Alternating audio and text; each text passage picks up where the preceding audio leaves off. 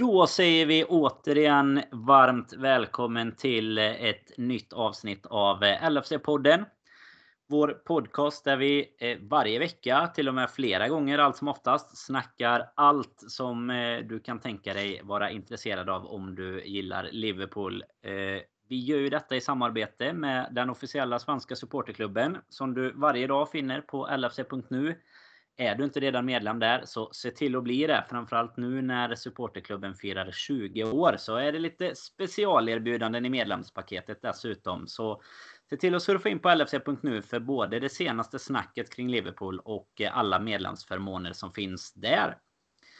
Idag ska vi givetvis fortsätta snacka försäsong. Jag har med mig inga mindre än Jocke Lundberg och Christian Andersson till detta. Eh, Jocke ska ju faktiskt eh, till USA här snart så vi kan börja och känna tempen lite på eh, dig. Har du packat väskorna inför Boston ännu? Nej, faktiskt inte än. Eh, det får väl bli där i sista minuten som vanligt. Jag drar ju över med Robin, min kompanjon, som vanligt på den här resan. Och det är han som sköter det mesta som vanligt med allting med att styra och ställa. Så jag eh, tar det ganska lugnt så blir det kaos i slutet. Men eh, det lovar ju gott med 34-37 grader i helgen. Så ja, vi får se hur man överlever. Ja, är man eh, avundsjuk Krille? Vad känner du? Är det 37 Nej. grader i Norrköping också? ja, nästan till. Nej, det är väl en avundsjuka där. Det är ju härligt att både komma kanske till USA, ett land där jag inte har varit och även då när det är försäsongsturné för Liverpool. Så nej, följa Jocke och Robin där på sociala medier, både LFC-podden och deras privata. Det ska bli riktigt kul faktiskt. Så det är bara att köra där och ta hand om. Du får väl ta hand om Robin då, även om vi antar att det blir tvärtom Jocke.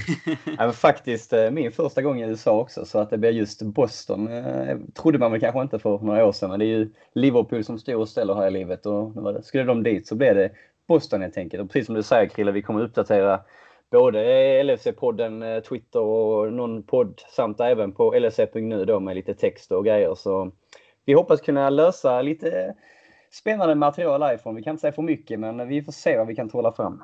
Mm, det är hett i poddfabriken nu. Jag och mm. Robin hade ju ett avsnitt här för bara ett par dagar sedan. Vi spelade in i fredags. Så har ni inte hört det så får ni pausa här nu och spara detta avsnittet lite och gå in och lyssna på våra tankar efter Tranmere-matchen istället. Och sen eh, bara...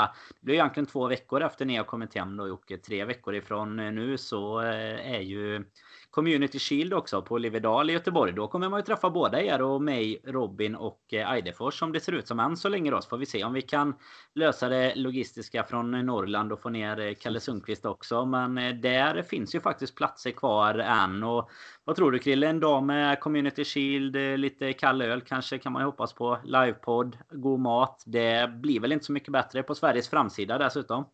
Nej, det kan ju inte bli så mycket bättre, precis som du säger. Jag menar, det är fortfarande sommar. Vi får hoppas på sol också, så blir det säkert gött häng där. Och, ja, att umgås med Liverpool-supportrar och särskilt efter det som skedde i juni, i början av juni där med, med Champions League-vinsten. Att liksom kunna nå, någonstans starta upp ordentligt med en match mot Manchester City och förhoppningsvis slå dem på fingrarna. Och så var i Göteborg och, och Rivedal och köra lite livepodd och bara hänga med andra likasinnade supportrar. Det kommer bli grymt blir det, det tror jag.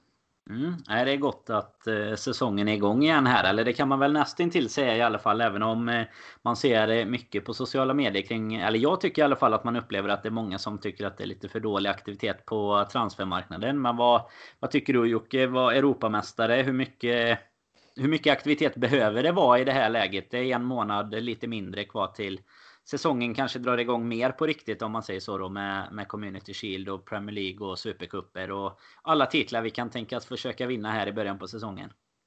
Ja, den är, den är lite svår. Man får ju vrida och vända på den, känner jag i alla fall. Någonstans är detta ju truppen som nyss gick och vann Champions League som du sa. Och givetvis vill jag innerst inne också att vi kanske spetsade lite med någon offensiv kraft och någonting där bak i backlinjen. Men sen får man ju kolla lite på det är inte så många andra klubbar heller som har gjort några riktigt, riktigt eh, stora kioskvältare än så länge. Och ah, vi har ju ganska många spelare i truppen, precis som Klopp brukar föredra, som kan spela på många positioner och göra ett jobb när det verkligen blir lite tufft på vissa positioner. Så jag sitter ganska lugnt i båten och hoppas väl någonstans på att ja, de här spelarna som vi kanske inte såg så mycket av förra säsongen på grund av skador och annat kanske kan växa och lägga i en, en och annan växel. Så ja, Visst, man vill gärna ha någonting, men eh, så farligt är det väl inte. Det är bara till börja nya säsongen och hoppas på det bästa.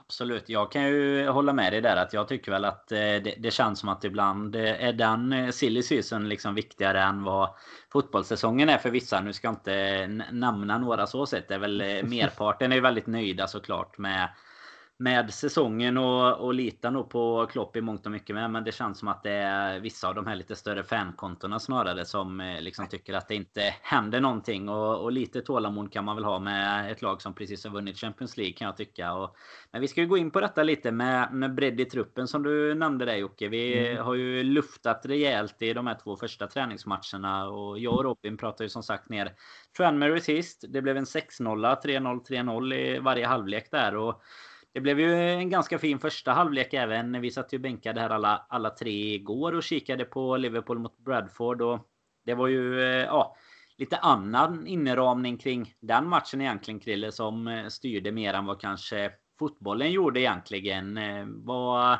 vad känner du en sån träningsmatch mot Bradford borta? Kan man dra några växlar liksom? Eller vilka spelare håller du uttryck på i det här läget av säsongen?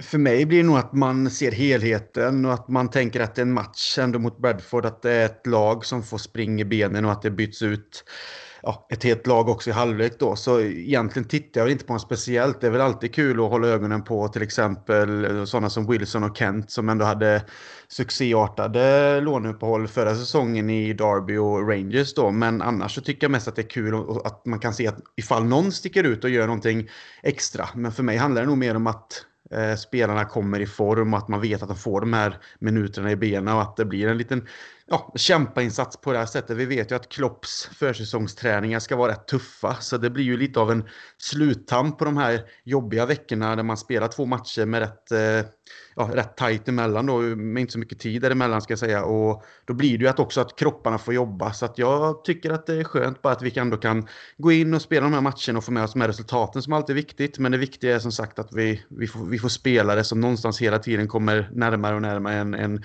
eh, en fysisk form. Och så får vi se vart det leder nu även när vi ska vara i USA då. Så att det är klart, hålla utkik på spelare som gör det bra men förhoppningsvis att alla någonstans bara kommer framåt i den fysiska formen. Mm. Satt du och scoutade inför eh, Bostonresan nu då Jocke, vilka du skulle hålla ett extra öga på i, i Liverpool-truppen här. När, eh, den kom ju faktiskt precis nu när vi skulle börja spela in så kom ju även truppen här. Så jag tänkte att vi ska, ska ta det lite längre fram sen. Men eh, vad, var känslan på matchen igår för din del?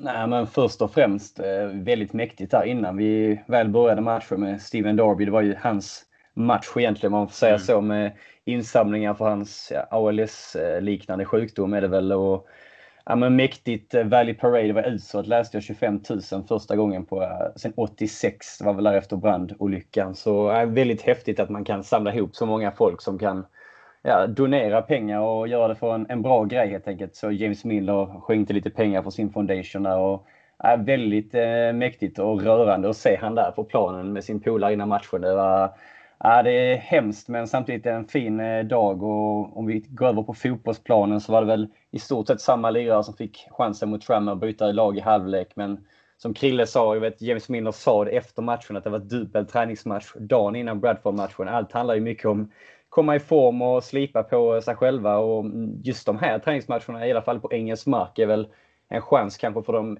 just akademispelarna som inte får chansen alltid att hänga med på just turnén som kommer sen. Så ja, men det är viktigt att få lite mer motion i benen och givetvis kul att se vissa av de här spelarna som borde och måste kanske ta chansen för att ta nästa steg och visa Klopp att det är någonting att satsa på. Mm, precis som du säger där så var ju eh, hela, hela grejen där med Steven Darby. Det blev ju liksom det som var det, det stora med dagen. Det var ju framförallt faktiskt James Milner tyckte jag som eh, var väldigt aktiv i social media både via eget konto och Liverpool-kontot och liksom hela mm. tiden mm. påpekade det både innan och efter matchen. Och de körde även den här Steven Darby Challenge där när de sjöng lite. Så det får man gå in och kika på om man inte redan har sett det. Sen blev det faktiskt Milner som inledde med de två första målen även om det första är lite, lite touch. Det var jag och Robin hade en liten diskussion om att VAR skulle kunna göra att han vinner skytteligan och så går han in och gör två snabba sen i nästa match. Att det känns som att vi är något på, på spåren där. Ett var ju faktiskt på straff också. Så Brewster som vi gav en liten eh, hyllning till senast som eh, var riktigt ytterligare ett sånt här skytteliga mål där lite Krille. Eller vad, det, liksom, det har man ju saknat lite med. Jag såg att vi har fått en fråga på Twitter med lite alternativ liksom till vår fronttrio där fram om det är Origi som är närmast och sådär. Men vad, vad känner du att Berra Brewster kan, kan de här matcherna göra att man liksom tar sig upp lite i den pecking order eller är det är det som eh, som vi sa lite innan detta har mer att göra med försäsong till försäsongen ungefär? Både och. Jag tror ju ändå att Brewster kommer vara med och figurera i A-laget under säsongen. Eh, vi har ju diskuterat honom tidigare och man har ju läst mycket om vad Klopp har varit ute och sagt med när han var skadad. Att, liksom, att han är en sån eh, exceptionellt exceptionell talang och har någonting extra. Och man ser ju även de här målen. Först han gör dem mot Tranmere, men även det här målet han gör nu mot Bradford. Han är ju liksom en måltjuv. Han är, jag tycker han är duktig med boll trots att han inte är jättestor. Han liksom känns rapp, men att han ligger rätt när avslutet kommer från Chamberlain tror jag, va? och ligger på rätt sida, men ändå är så, så pass snabb i tanken och stegen att han sen är först på bollen och så trycker han in den på ett så här Inzaghi-manér kan man väl nästan kalla det. Han är liksom, han är där och det är väl lite där vi kanske, jag ska inte säga att vi saknar målskyttar, men just en sån sån målskytt som snappar upp de här äh, andra bollarna och som kan ligga liksom vid linjen och fira lite och, och vara den här lilla jag ska kalla trollkarlen bakom som ingen tänker på. För vi vet ju hur det är med Firmino och Salah Mané. De är så pass skickliga individuellt och även samspelt. Alltså vi vet ju vilken liksom, kraft de är framåt. Men att ha en Brewster som en joker att kunna använda oss av under säsongen hoppas jag i alla fall. Eh, det är inte fel för liksom, han är en, en rapp kille som har, liksom, verkar ändå liksom, kännas att han har den nivån i sig. Såklart behöver han fortsätta bevisa sig, träna hårt och få sina chanser när de väl kommer och tar dem också. Men Nej, jag, jag, tror det är både och. Det är klart, det, det sker alltid sådana här saker under en försäsong. Det är någon som sticker ut lite och sen vet man inte om det blir så mycket mer. Men han känns ändå som att han är en spelare som vi kan få nytta av under en säsong där vi kanske behöver vila lite av de här som brukar spela. Och vi har ju haft tur under föregående säsong att det inte varit så mycket skador på våra eh, startspelare. Så eh, nej, jag gillar det jag såg av Brewster och hoppas att han kan få vara skadefri och ta nästa steg. För jag tror att vi har en eh, superanfallare där framöver.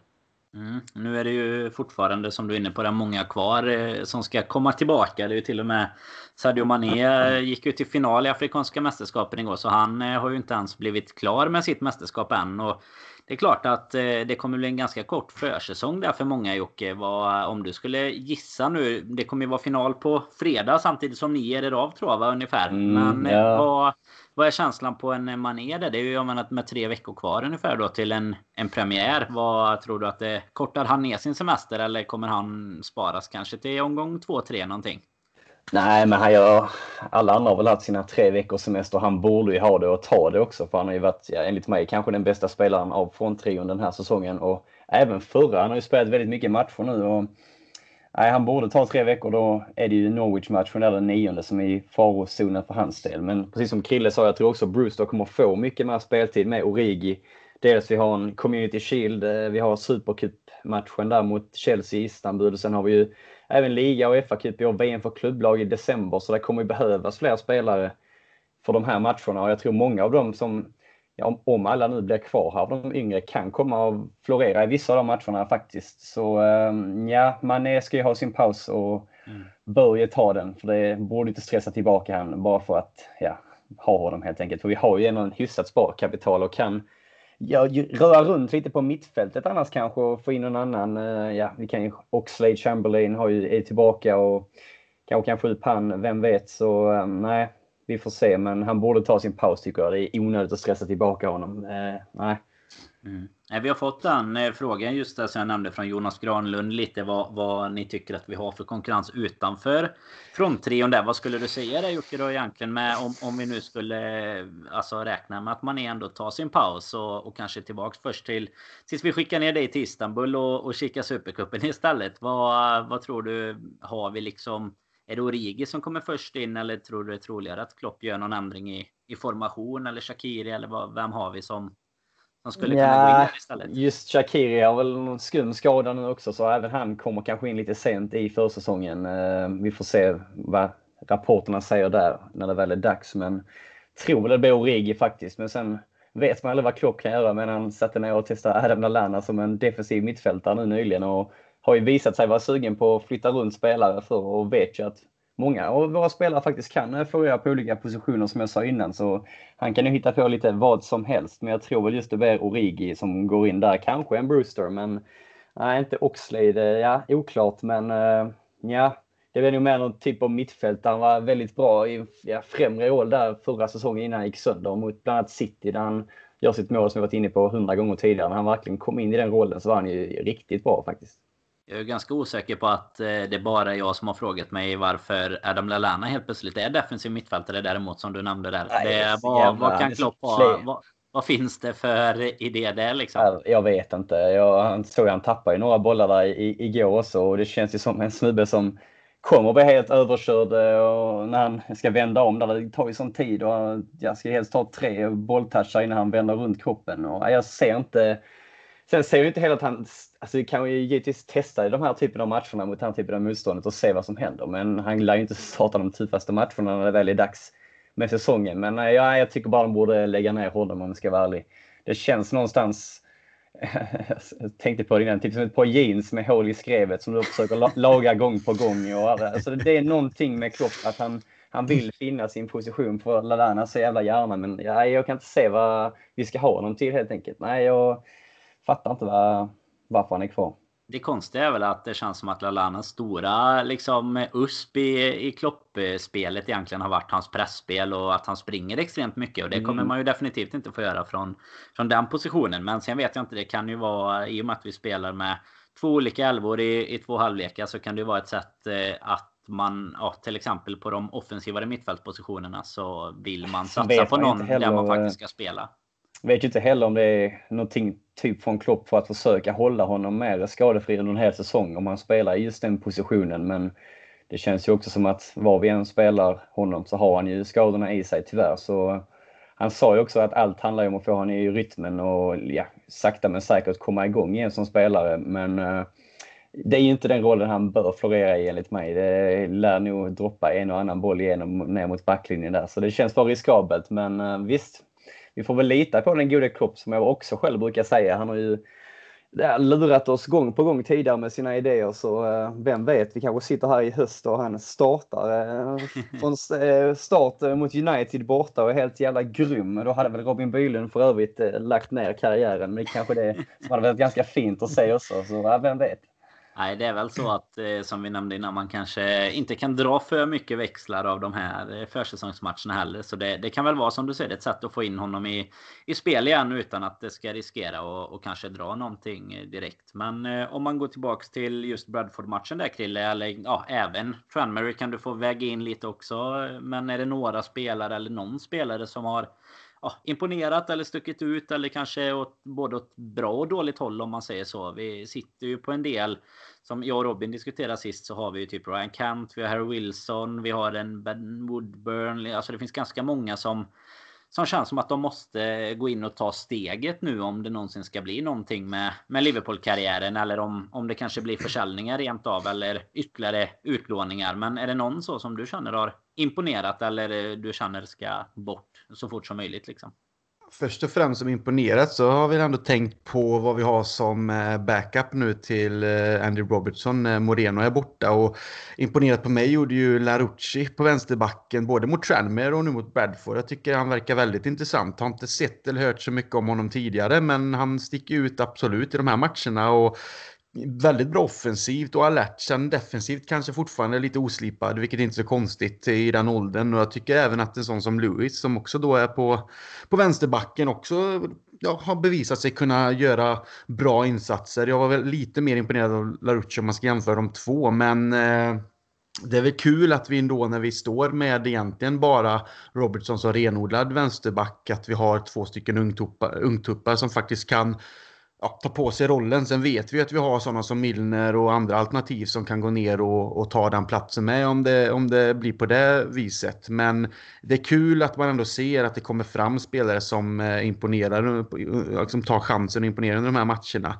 Sen när du pratar lite om Woodburn är en spelare som man har hoppats på i många år nu sen han kom fram som 16-17-åring och gjorde ett tidigt mål där, eller som väldigt ung, gjorde ett mål mot Leeds. Eh, man har alltid haft förhoppningar på att han ska bli någon ny playmaker typ eh, på det offensiva mittfältet kanske, men tyvärr känns det som att han har stannat upp i sin utveckling. Jag känner inte att han är nära att vara på något sätt att hota om en plats i Liverpool eller ens egentligen ja, han har ju varit på bänken några viktiga matcher som vi har vunnit, som vi har pratat om innan i Champions League. Han har ju liksom då när vi har gjort vändningar hit och dit. Men tyvärr så känns det som att han har avstannat lite. Eh, sen gillar jag ju att eh, Bobby Duncan kom in och gjorde mål med, som är Steven Gerrards kusin. Han har ju sprutat in mål i reservlagen, eller de här U-lagen tillsammans med heter han? Eh, som blir skadad nu. Eh, ja, tack. Jag tappade namnet där. precis. Eh, så, och det är synd att han blir skadad och verkar vara borta under försäsongen här nu. Eh, annars är det ju två spelare man också gärna vill se. För man vet ju aldrig vad det innebär att vara en målspruta i U-lagen och reservlagen jämfört med att komma upp på A-laget. Vi har ju sett många andra som har varit Adam Morgan till exempel och andra som har... Pacheco. Ja, de har gjort mycket mål i reservlagen och U-lagen, men sen har det inte gått så mycket längre än så. Men det är intressant ändå att se dem och jag menar, man vet aldrig vad det kan innebära. det har ju pratats lite rykten om att andra klubbar skulle vara intresserade av eh, Bobby Duncan också. Eh, vet man inte vad det innebär så, men det är väl egentligen av vänsterbackarna och de två som jag tyckt har stuckit ut. Sen har man ju alltid extra ögon på Wilson efter den som sagt lånesäsongen han hade i Derby. Jag tycker inte att han har varit superbra, men han har heller inte varit dålig på något sätt. Och samma sak med Kent, även om jag tycker att då Wilson kanske har lite mer att erbjuda än vad Kent har. Men Nej, annars eh, har det väl inte stuckit ut så mycket just när det gäller de ungtupparna. De andra spelarna som är etablerade och var med nu under säsongen och vann Champions League tycker jag liksom att som sagt, som vi sa innan, det handlar mest bara om att finslipa formen, den fysiska formen först och främst och komma i, i matchform. Så hoppas man att eh, sådana som Brewster då till exempel fortsätter att, att leverera. Så får vi hoppas att andra ungtuppar också fortsätter att göra så.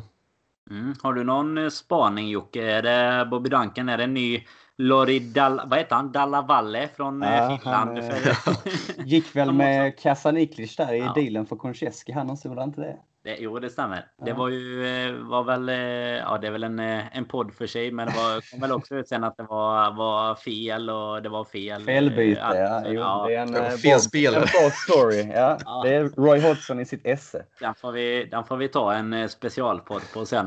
Nej, men Nej, det finns men, ju många som du nämnde ja. till, Många spelare som liksom har öst in mål i U-lagen och så, eh, alltså Adam Morgan är ju en annan. Man, man tycker liksom att då, de kommer fram. Men sen eh, klart att eh, det, det, är ju en helt annan sak numera att slå sig igenom i Liverpool också än vad det, än vad det kanske har varit i vissa lägen om våra supporter i alla fall. Jag menar, som vi nämnde här i början så regerande Europamästare och då krävs det väl kanske att att man har något bättre än en, eh, alltså liksom en god försäsong för att man ska kunna slå sig in också kan jag tänka mig. Men vad, har du någon spaning så på någon som du som du tycker har utmärkt sig extremt positivt eller negativt på, på de här två matcherna nu inför eh, USA-turnén?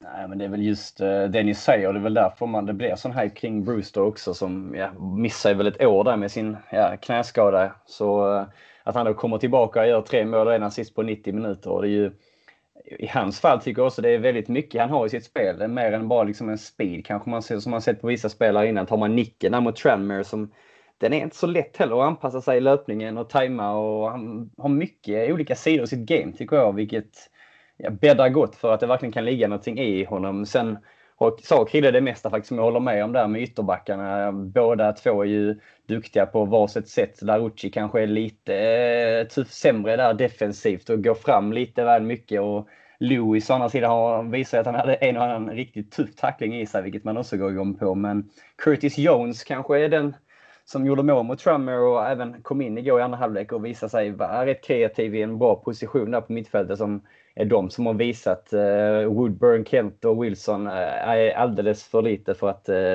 de ska liksom bli godkända på något sätt. För det är just de tre kanske som man har högst förväntningar på som ligger närmast, i alla fall Harry Wilson efter sin säsong som han hade.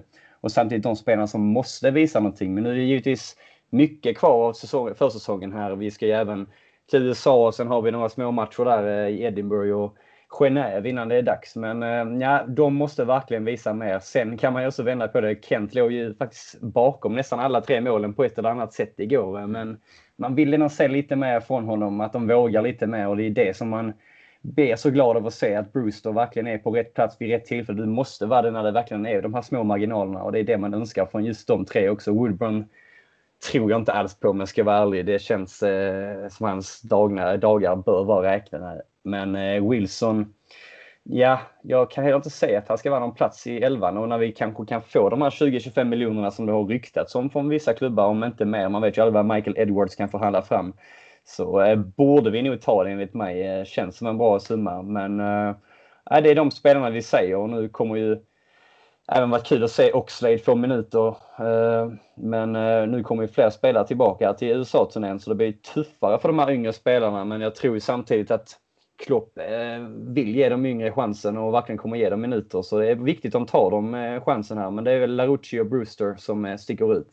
Mm. Det var jäkligt synd som du var ju inne på det med Krille, det med Glatzell, att han skadade sig. Det var ju annars en spelare som, som jag tycker man hade sett fram emot att se, som sagt, Östin mål tillsammans med Bobby Duncan också. Och annars är det ju många som du nämnde Jocke som kommer tillbaka Eh, i truppen. Men de flesta har ju ändå faktiskt fått eh, ta fixa sina ästa här nu och åka över till till Boston och, och runt om i USA då. Och eh, vi har ju däremot ett ställe där vi har haft lite problem då. Vi har ju en eh, nyligen eh, segrande Copa America målvakt. Det Alison Becker som är iväg på lite semester och, och dricker sån här eh, mate eller mate, vad man säger sånt där brasilianskt te som ser så jäkla gött ut.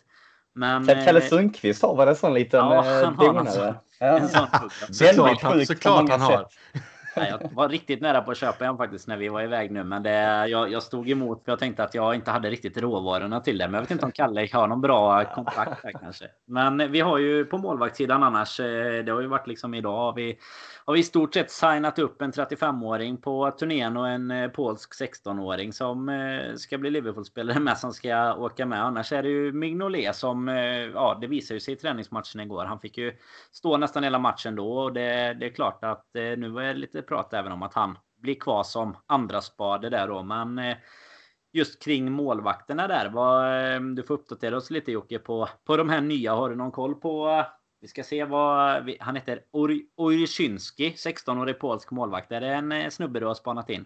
följer ju eh, polska landslaget väldigt noga så han har ju studerat sen uh, eh, ung ålder där. Varit över i Warszawa några gånger och kikat på honom. Så uh, nej, faktiskt ingen aning. Det känns ju som det är riktigt kaos där på målvaktssidan. Det är någon som har varit på något uh, EM för U21 och någon har skadat armbågen, den här Jaros. Och sen kommer en Andy Lonergan in 35 år som har spelat i några engelska klubbar faktiskt. Som ska vara någon typ av ja, pappa kan man väl tro eller hjälp, hjälptränare eller någonting under försäsongen. Lite Manninger, den känslan. Alex Manningers känsla liksom. på honom. uh, nej men det är väl väldigt oklart här. Man har ju knappt sett någonting av dem. Men det är kul för just den här 16-åringen som blev värvad bara för en knapp månad sedan och få hänga med direkt och visa upp sig. Om vi bara tar Mignolet där så sa ju Klopp, eh, att han ser ut som han stannar och det är jag faktiskt väldigt glad över. Jag tycker han har varit eh, en gubbe man bara vill ha kvar. Eh, sett hur han har visat eh, utåt sett. Han har inte gnällt en enda gång säsongen som gick och varit först med att gratulera Allison och hela laget varenda match. Och jag tror det är viktigt med den typen av gubbar för att hålla kärnan och sammanhållningen. Så jag är glad att han eh,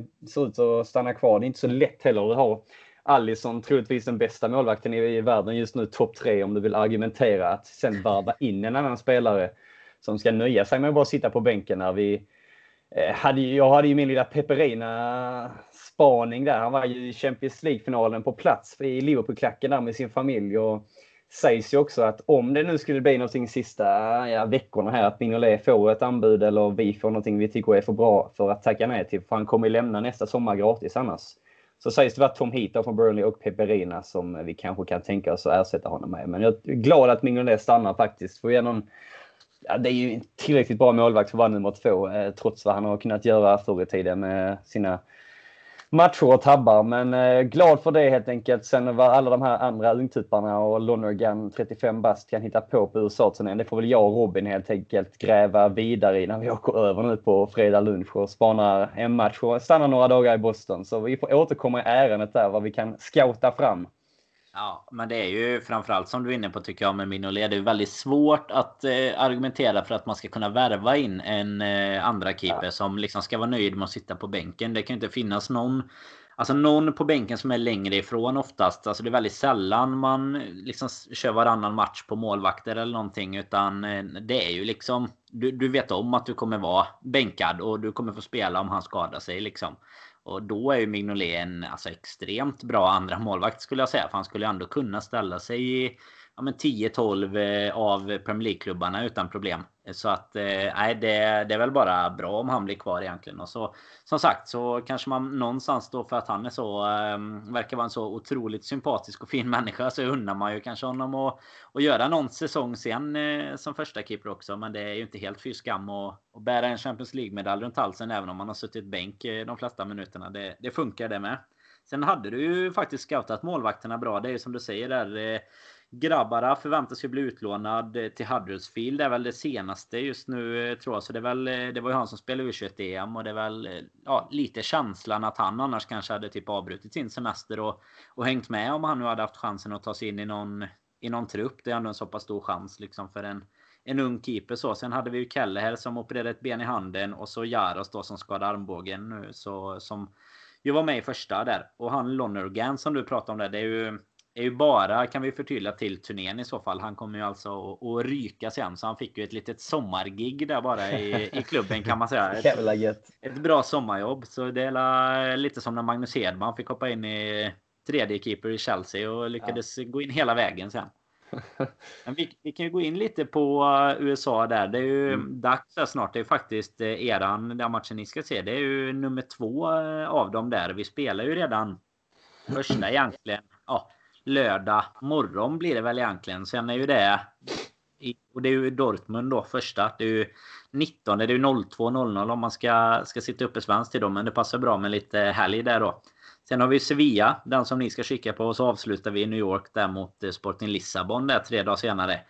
Och det känns väl Krille som att det kanske nu, även om inte alla såklart är med i, i den truppen, alltså de här spelarna som har gått lite längre i sina respektive mästerskap. Men min känsla är i alla fall att vi kanske i, på en sån här turné eh, kör lite hårdare med alltså de spelarna som vi även kommer vilja se lite mer av kanske för att faktiskt eh, både nästan på kunna marknadsföra vissa men även eh, alltså sålla lite bland, bland de här ungtupparna. För det är ju ändå ganska viktigt att kunna se då är vi liksom inne i slutet på juli. Att kommer vi behöva värva en ersättare och ha bakom Robertson? Jag menar, går han sönder i, i första matchen liksom så, så gäller det att det finns något där. För det är också en liten påminnelse att transferfönstret i Premier League stänger ju numera innan säsongen drar igång. Även om det inte gör det i resten av Europa sen. Men vad tror du? Kommer det satsas lite hårdare på de matcherna mot lite tuffare motstånd nu när, när det står lite bättre lag på andra sidan?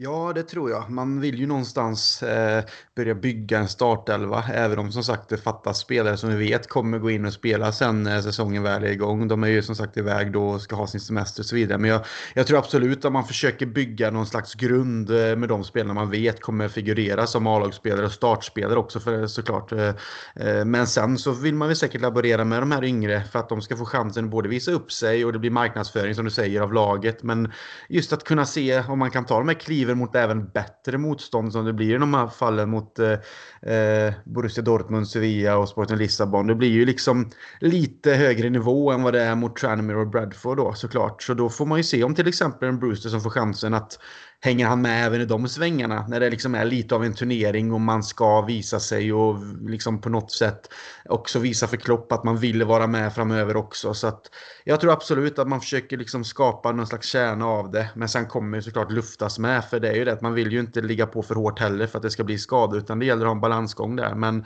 Eh, det ska bli intressant att följa dem om man nu orkar sitta uppe med de här tiderna. Eh, det är inte lika enkelt längre som det kanske var för en 5, 10, 15 år sedan att man kunde hålla sig vaken och vilja titta med matcherna. Men man får försöka i alla fall. Så nej, det ska bli intressant att se hur det ser ut på pappret när de ställer upp mot de här lagen och så får man väl se som sagt om man följer allt eller om man tittar på mer highlights. Ja, men precis. Vad tror du Jocke? Kommer adrenalinet pumpa lite mer när du är på plats i USA och ska kika än vad det, än vad det gör nu på de här första två, Tranmere och Bradford? Ja, när man har Robin bredvid sig så kokar man alltid och adrenalinet pumpar. Nej, men det, det är som ni säger. Eh, vi kan ju också lägga till att Robertson ska ha fått någon infektion i handen eller något liknande där, så kanske inte är med i första matchen. Sen Shakiri och Keita är ju skadade. Sen i övrigt är det ju från trion och eh, Allison som inte är tillbaka ännu. I övrigt är det ju fullt manskap och så ska det bli kul att se van den Berg som eh, missar två första matcherna. Han har inte fått sin deal eh, accepterad eller godkänd av Fifa. Han ska vara större än Klopp eh, trodde när han såg honom för första gången. Så vi får se hur jävla stor han är när det väl är dags. Eh, men det ska bli intressant eh, att se återigen med de här yngre spelarna länkar ut med ännu fler eh, A-lagsspelare hur, det liksom, eh, hur de spelar. När det väl är lite bättre spelare steppar de upp det ytterligare någon nivå och även tuffare motstånd, tuffare försvar. Eh, det är ju faktiskt tre riktigt skickliga lag vi ställs mot som kan vara tuffa att möta både framåt och bakåt. Så det ska bli kul att se. Det, speciellt kan jag tycka ytterbackarna nu här. Vi, Klopp uttalade sig idag. Vi släppte ju Moreno som nu har kritat på till, för Villarreal och han menar ju på att det kan ju bli så att de här yngre spelarna, Larucci och eh, Lewis, kan få chansen där eh, bakom eh, Robertson. Även Minno kan gå ner på den positionen. Men just de två eh, yngre spelarna, om de får chansen att möta lite svårare och tuffare offensiva spelare i Dortmund, Sevilla och Sporting.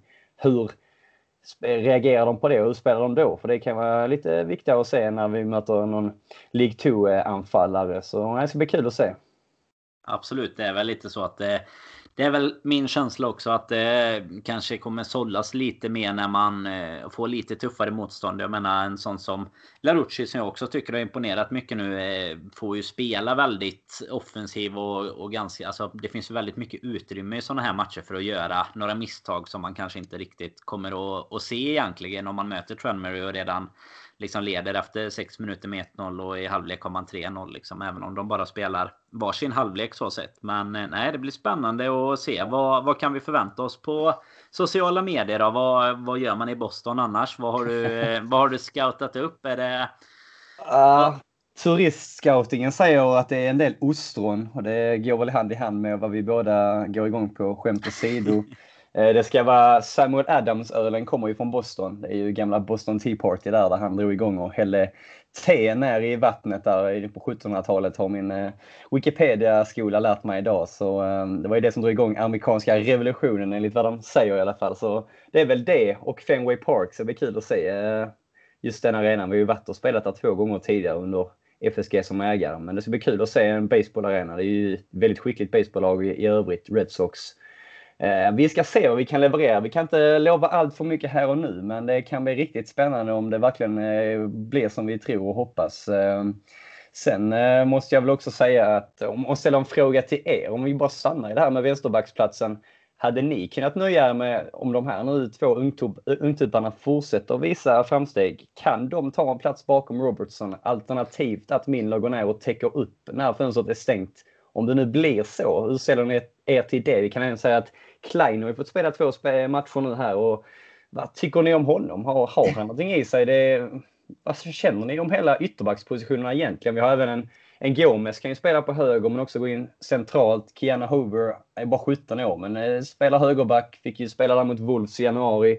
Klopp gillar ju många av de här mångsidiga spelarna återigen. Så vi har ju många som kan gå ner och täcka. Men är det tillräckligt eller borde vi göra en ja, sista minuten, kalla det vad du vill, värvning på just den platsen. Det är också väldigt svårt, eh, precis som med målvakten som jag sa med Allison, att en Mignolet stannar kvar. Det är väl lika svårt med Trent och Robertson som är kanske de två bästa ytterbackarna i världen just nu, att få in någon gubbe som både är rätt prislapp eh, men också som kan nöja sig med att kanske sitta på en bänk. Vad känner ni där, både höger och vänster ytterbacksplats egentligen? Krille, har du någon eh, tanke där? Eh, nej, egentligen inte. Jag kan liksom inte komma på egentligen en enda Mm. Eh, ytterback som vi kan hämta eh, gällande de kriterierna som du tar upp där. Prislapp, ålder och kanske också då eh, vara alltså, alltså andra fjol bakom de här två Robertson och, och Trent. Men samtidigt så jag är inte jätteorolig så länge. Alltså visst, det är klart, går någon av dem sönder eh, senare under säsongen så det är klart att det finns eh, stora brister kanske då just för att de är så viktiga för vårt spel. Men eh, som du säger, de tillhör världseliten nu på sina positioner så är det också svårt för vem som helst att gå och, ta, liksom, eh, och göra det jobbet eh, på samma nivå. Men som du säger också, vi har ju Milner som vi vet kan spela egentligen på bägge positionerna. Eh, vi vet inte vad som händer med en Klein, han kan även gå ner och spela han har ju liksom inte gjort bort sig tidigare. Han är inte kanske på samma nivå. han var ju bra en, när han kom till Liverpool och man tyckte han var spännande. Men jag skulle inte säga att han på något sätt är en dålig backup. sen har vi ju även en Gomes som skulle kunna spela på bägge sidor också om det krävs. Så att jag är inte jätteorolig. Men däremot så såklart, går en sån som Robertson sönder så det är lite tunt just med den känslan att man kanske inte har någon med den nivån. Men med de här ungtupparna också, som vi säger också, som kan visa upp sig med Lewis och Larucci och de kan fortsätta på den banan. Då tycker jag ändå att vi har fullgott material för det. Men givetvis hittar man rätt spelare för rätt peng och som är, är okej okay med att vara på bänken och spela liksom eh, backup så absolut. Men det oroar mig inte på det sättet i alla fall som det kanske hade gjort eh, tidigare säsonger när vi haft väldigt tunna trupper på, på andra sätt. Jag tycker också att man eh, faktiskt kan, eh, eller känna sig ganska lugn där i alla fall. För det är ju, givetvis kommer det vara jättesvårt att ersätta någon av dem om de går sönder. Men det kommer det ju vara oavsett tror jag om vi får in en spelare. För det är ju ändå så här att få in någon som är mycket bättre än vad till exempel Klein eller Moreno är. Det tror jag inte att vi får om de vet att de inte Alltså då får det nästan vara någon som är så världsklass att man kommer kunna utmana Robertson till exempel. Men det känns också som att det verkligen inte är det vi kommer lägga vår prio på transfermarknaden i så fall. Eh, sen är det ju så att skulle de, som du var inne på där Jocke, fortsätter de att imponera. Ja, det är klart, då måste ju, alltså precis som Trent fick chansen mot United, så måste ju man få chansen någon gång om man verkligen fortsätter att imponera för att kunna ta nästa kliv också. Skulle det däremot vara så att man inte tycker att de är redo, ja, men då har vi faktiskt spelare i truppen. Vi har även en Fabinho som kan gå ner på en eh, backposition om det verkligen skulle behövas. Och Milner som ni båda var inne på där. Så att skulle dessutom Klein stanna. Nu... Eh, jag hade väl kunnat tänka mig att sälja honom så sett. Jättebra spelare att ha för bredden. Eh, absolut en av de bättre som vi kan ersätta med det. Men jag tror samtidigt att har vi inte tänkt att spela honom så är det liksom lite läge att, att casha in också. För ytterligare ett år äldre och en säsong utan att han spelar särskilt mycket. Då, då tror jag det är bättre att bara hellre casha in och så försöka antingen värva in någon väldigt ung som kan stå lite på tillväxt. Eller då helt enkelt någon av dem som redan finns i, i truppen idag. Kommer, ni inte, kommer ni inte ihåg när vi alla satt och skrek för att vi lämnade ut Klein i januari och vi inte kom in med en ersättare? Det var ju uppror där, där och då. Men kan det vara att Lalana är ytterbacks eh, om vi tar ner honom där om han inte funkar som DM? Nej, nu, nu skojar jag den hade, varit, den hade fan varit sjuk alltså. Ja, då är det... Nej. Nej men det, var, det är ju ändå så. Alltså man, man, det är ju ganska svårt den. För det, det är ju liksom en balansgång att du ska hålla en, en truppbredd samtidigt som du då på något sätt ska kunna ha de spelarna nöjda som du väl har. Och jag menar det, har vi bra talang i till exempel Larucci och, och Lewis nu, då är det ju kanske bättre och i alla fall att de får kämpa mot varandra och att någon, alltså i värsta fall pratar vi ju nu med, då är det ju om om någon, alltså om Robertson går sönder till exempel då på vänsterkanten och vi sen inte kan laborera med laget tillräckligt för att vi måste få upp någon. Så då tror det är svårt att ha liksom mer än två eh, rätt så bra spelare på varje position där heller. För det är också ett alternativ är att byta kant på Trent till exempel i ett sånt läge och sätta Gomes på högerbacken och så har man ändå ganska god mm. täckning på mittbacken nu när Matip gjorde en liksom fantastisk eh, sista halva på säsongen med. Så eh, det, jag kan ju tycka att det är mer spännande att se lite vad om Gomes kommer slå sig in där. Jag vet inte vad, vad tror ni där egentligen? Kommer Gomes kunna ta tillbaka den platsen han ändå tog i början på förra säsongen? Eller har Matip gjort tillräckligt för att, att behålla den? Vad tycker du Jocke? Vad, inför, om man tänker tre veckor fram nu. Vad hade du gissat om du får gissa i en eh, Community Shield eller i en ligapremiär om det är Matip eller Gomes som nu båda är, är riktigt fit då?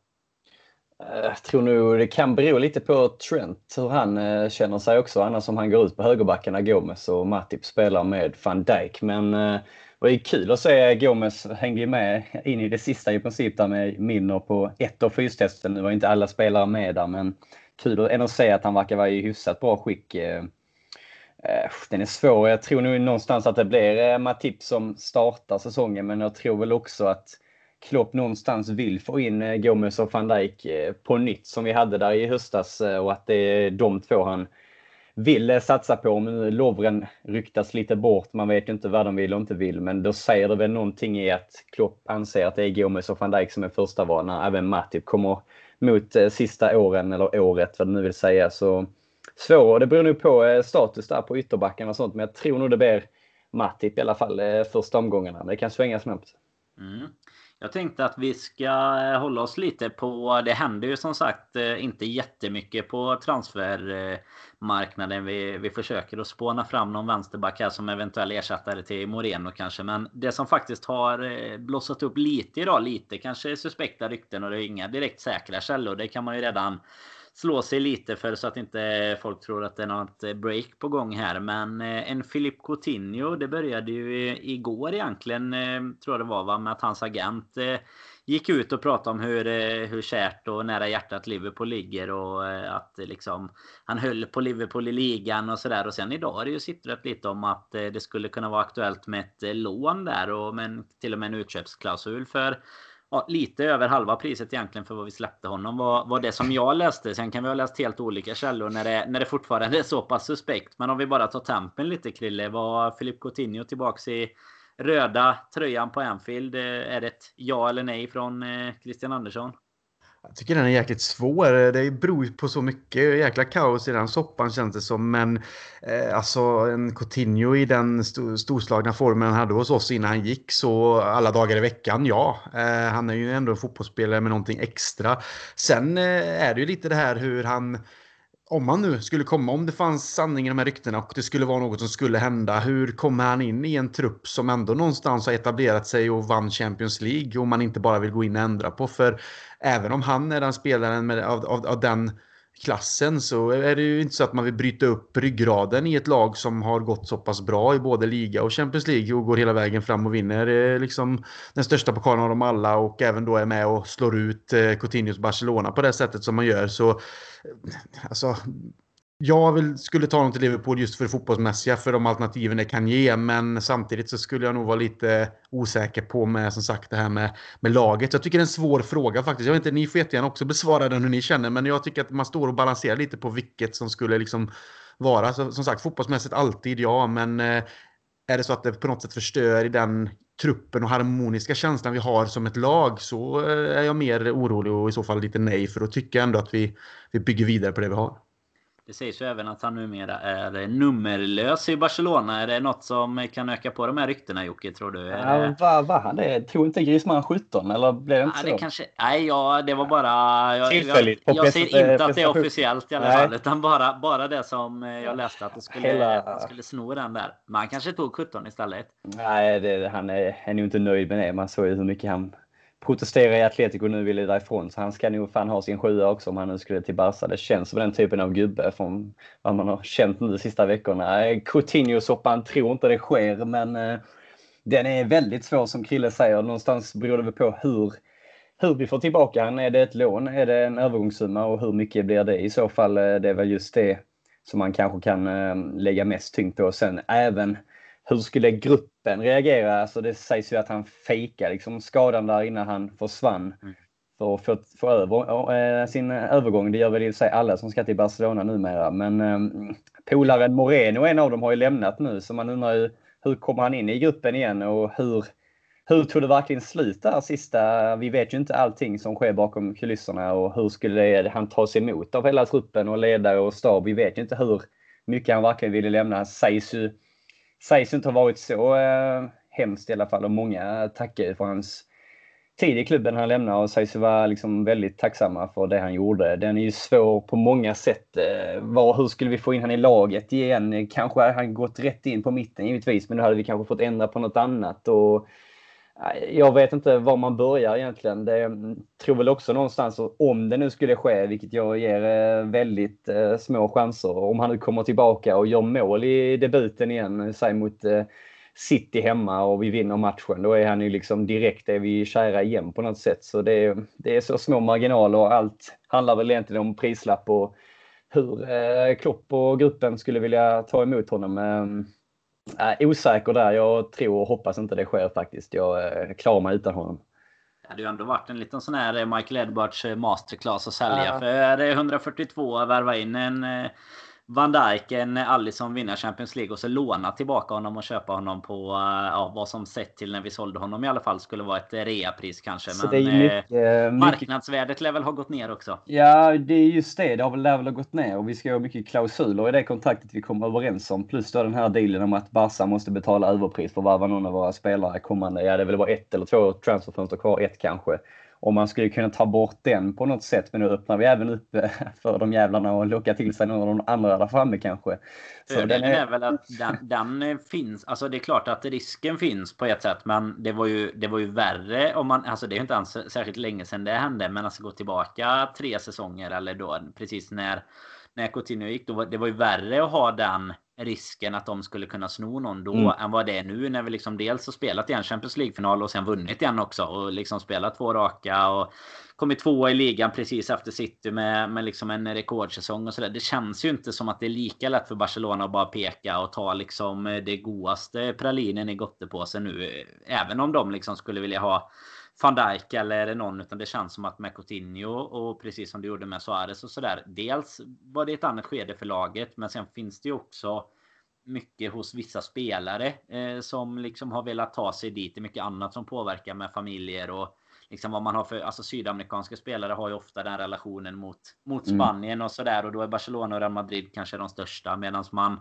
såklart alltid vill spela i den bästa klubben och nu är ju Liverpool en av de bästa så det kanske inte riktigt finns samma samma risk där heller. Men det är väl om de får köpa Lalana nu då kanske till något överpris här innan eh, om de lastar av honom i den dealen. Men eh, nej, jag, den är... den är svår som ni säger. Ja. Jag, jag kan bara hålla med. Den är riktigt svår. Alltså ur, ur ett typ sentimentalt eh, ur en sentimental synpunkt så är man ju bara glad att han inte har vunnit Champions League och att vi har gjort det och lite sån här. Ja, det gick jävligt bra för dig att, att lämna, men alltså fotbollsmässigt så samma i, i Copa America nu stundtals så är det ju en magisk spelare att, att kika på liksom. Så Har vi, jag vet inte, har vi verkligen haft någon sån här snarlik eh, rykte som varken har känts vara lite halvt på riktigt? Jag vet inte, det enda jag kan komma på är Michael Owen där när, innan han gick tillbaka till Newcastle efter Real. Och då vann vi ju Champions League också när han lämnade där 04 sommaren. fler spelare borde lämna för att vinna Champions League. Det känns som det är ju Eh. han och Owen och Coutinho. Så. Ja. Nej, men Nej. det, den är ju väldigt svår och sen har jag läst många som har, jag, håller kanske inte med allting, men som menar på att Coutinho ofta gick synlig i de stora matcherna. Det kan man argumentera för och emot, för han gjorde ju även några viktiga mål i några stora matcher. Eh, Hur han passar in eh, i gruppen med det här eh, ja, Never Say Die och så vidare, det vet jag kanske inte om han riktigt har i sig. Han visar väl det i alla fall i slutet lite mer, men så vet man inte om det var för att tvinga fram en övergång till Barca heller där och då. Men Nej, jag, eh, jag vet inte. Det, det, jag lämnar den till Klopp. Han, han känner människorna bättre. Han, han säger ju det att eh, när de väl ska varva en spelare så har de ju gjort jobbet eh, långt innan och det var bara väl att träffa individen och fråga han lite vad han känner om livet som avgör om han kommer eller inte. Så om han tar det snacket med Coutinho och det går väl så får vi väl lita på Klopp. Känns ju annars som om det snacket redan var taget under den tiden han ville Ja. lämna. Så det känns som att Klopp är en tränare som har Coutinho valt att gå så ser vi oss inte om och gå tillbaka utan då går vi vidare. Lite den känslan får jag av Ja. Klopp. Liksom. Så att, ja, vi får se helt enkelt. Men Klopp vet väl bäst i slutändan. Ja, men samma även när han var i, i Dortmund och tappade många av sina stjärnor liksom. Och eh, även när han kom till Liverpool så var det ju det första det ryktades om att vi skulle varva några spelare från Dortmund och det hände ju inte det heller. Så det känns ju som en, en, en gubbe som ja, säger adjö och sen inte går tillbaka och stampar utan eh, slut är slut. Så jag hoppas väl någonstans i att det blir så också i den här frågan. Mm. Även om det skulle vara ett... Eh, om, ni, om ni bara får säga till ja och nej nu då. Om vi skulle låna tillbaka honom. Alltså inga stora... Inga stora kostnader till det kanske. Eller sådär. Vad Skulle ni låna honom nästa säsong då? Eller eh, är det ett ja eller nej från Krille och ett från Jocke? Jag säger ja, eh, för att en kreatör på mittfältet av hans klass ändå skulle behövas anser jag oavsett om det är så att han på något sätt skulle starta eller inte. Men att det finns där att kunna använda i matcher där det kanske krävs en sådan spelare. Så då säger jag ja. Vad säger du Jocke? Man får ju ett jävla hat antar jag om man säger nej. Och det kanske man ska ha också för det är ju någonstans en världslirare. Vi får inte glömma att det var ett år sedan han gick för den övergångssumman och var ju en av de främsta i världen där och då. Eh, Jag säger givetvis ja också för det är en gubbe som kan komma in och dra in en frispark eller lite sådana grejer som vi kanske saknar just vissa av de grejerna han kan göra och en spelare som givetvis hade gett oss någon poäng extra och avgjort någon match extra där. Så ja, jag säger givetvis ja. eh, Men eh, sen också ett lån. Undrar man ja, om han gör det bra liksom. Hur ställer sig Barca till det? Vill de lura Mm. tillbaka en högre övergångssumma om vi väl bestämmer oss för att behålla honom? Eller går han tillbaka till Barca igen? Hur hypad och glad och taggad är han inte på en övergång till Liverpool igen? Givetvis är det många känslor i hans huvud också att komma tillbaka och han vet inte hur supportrarna tar emot honom. Sen spelar han för att komma tillbaka till Barca och ge sig fan på, ja, klarar han en tröja där eller är det för att ge sig fan på att skriva nya fina kapitel i Liverpool? Det är väl det som är frågan i hans huvud också mentalt. Det känns ju som han har haft en riktigt tuff säsong hela vägen egentligen och hur frisk och fräsch är han egentligen? Mm. Nej, det är en, en tuff fråga är det nu. Ja, vi, har, eh, vi tog ett suspekt rykte och tog ner det i molekyler här. Men det var faktiskt det som vi hade fått flest frågor om på Twitter här också. Lite gällande ryktena där. Och det är väl så när eh, fönstret i övrigt kanske inte bjuder på, på sådär extremt mycket just nu i alla fall. Det är väl eh, egentligen ja, det man kan säga annars. Du har ju skattat upp en, en fin nyhet du ska få ta snart här Jocke. Gällande CSK Moskva där så. Men Oj. vi har ju även en, vår, våran gamla våran gamla, tänkte jag säga, kärlek. Men det har ju inget med det att göra. Vi har ju en Nabil Fekir som eh, liksom mm. har varit ryktenas man i ja, extremt länge. Alltså, det är ju väl minst ett år. Det är väl till och med ja, det är väl förra, var det förra sommaren det drog igång som mm. hetast kanske. Och nu, nu helt plötsligt så sägs det att han är på väg att flytta till Real Betis för, ja, vad var det, 30 miljoner euro. Och det innan var det väl rykten om om minst det dubbla och lite mer. Och jag vet inte vad, vad säger man om, eh, om ett sån eh, gubbe Jocke? Vad, han, är han förstörd liksom? Vad hände under Nej, det året? Det väldigt, hade hänt i Liverpool med? Eh, väldigt skum övergång om man ska vara ärlig. Robin sa ju någonstans att det säger väl en del om hur trasig hans kropp är. Och det måste väl vara någonting i det, för det är ändå en gubbe som har florerat lite i franska landslaget och gör ju ändå en hyfsat bra säsong i Lyon igen. Så det känns ju som att han borde kunna gå till ett större lag och om det just blir Betis så tror jag nog vi gjorde rätt val i när vi verkligen scoutade honom på djupet med allt men vad det var med skador och liknande. Det känns ju eh, som en väldigt skum övergång, eh, verkligen. Mm. Nej, det är verkligen. Och så får du ta ditt eh, sista för att blossa Nej, på transfer. Jo, lägg på transferryktet. Vi behöver allt. Alla som, alla som har dragit på LFC-podden här för att få höra lite silly-rykte nu. nu får du dra folk, folk älskar ju silly, men det här var bara en, om man går på silly-snacket så är det väl att det ryktas om att CSKA Moskva ska rycka i Taivo Avonii. Den här eh, spelaren som ingen av oss egentligen har sett eh, på grund av arbetstillstånd och, och liknande ska ju vara hyfsat eh, duktig ändå vad, vad man har hört från eh, vad källor i klubben säger och Klopp har väl uttalat sig någon gång också. Det har han även gjort med han Allan som vi aldrig har sett heller men som ska vara en av de mest kreativa och duktiga spelarna han har sett eh, enligt honom själv. Men Aboni eh, värvades väl från ja, 400-500 000 pund och sägs nu att vi värderar honom för 15 miljoner pund om eh, CSKA Moskva ska vara sugna. Men samtidigt visar vi intresse då för deras skyttekung Chalov gjorde flest mål i ryska ligan förra säsongen. 15 kassor. Det är väl om vi skulle dra en byteshandel där. Men det känns ju som att det är så det var Demiro som drog igång det här. Eller något sånt. Det känns som en väldigt eh, tråkig och ja, osexig eh, ryktessaga de har fått igång här. För jag tror inte heller att vi värvar den här Chalov nu när Origi har kritat på en nytt kontrakt och Brewster börjar göra lite mål där i försäsongsmatcherna. Och Klopp har även sagt att Brewster ska få chansen. Så det känns väl eh, det är bara värt att nämna för vi, vi har inte så mycket rykten. Det är väldigt tyst och det förväntas ju bli så. Jag tycker det även är väldigt tyst överlag i de andra klubbarna. Det är väl bara Harry Maguire som förväntas gå till United för en mycket, mycket bra peng enligt mig. Jag tycker det är riktigt bra jobbat om de löser han för 80 miljoner pund. Inga överpris alls.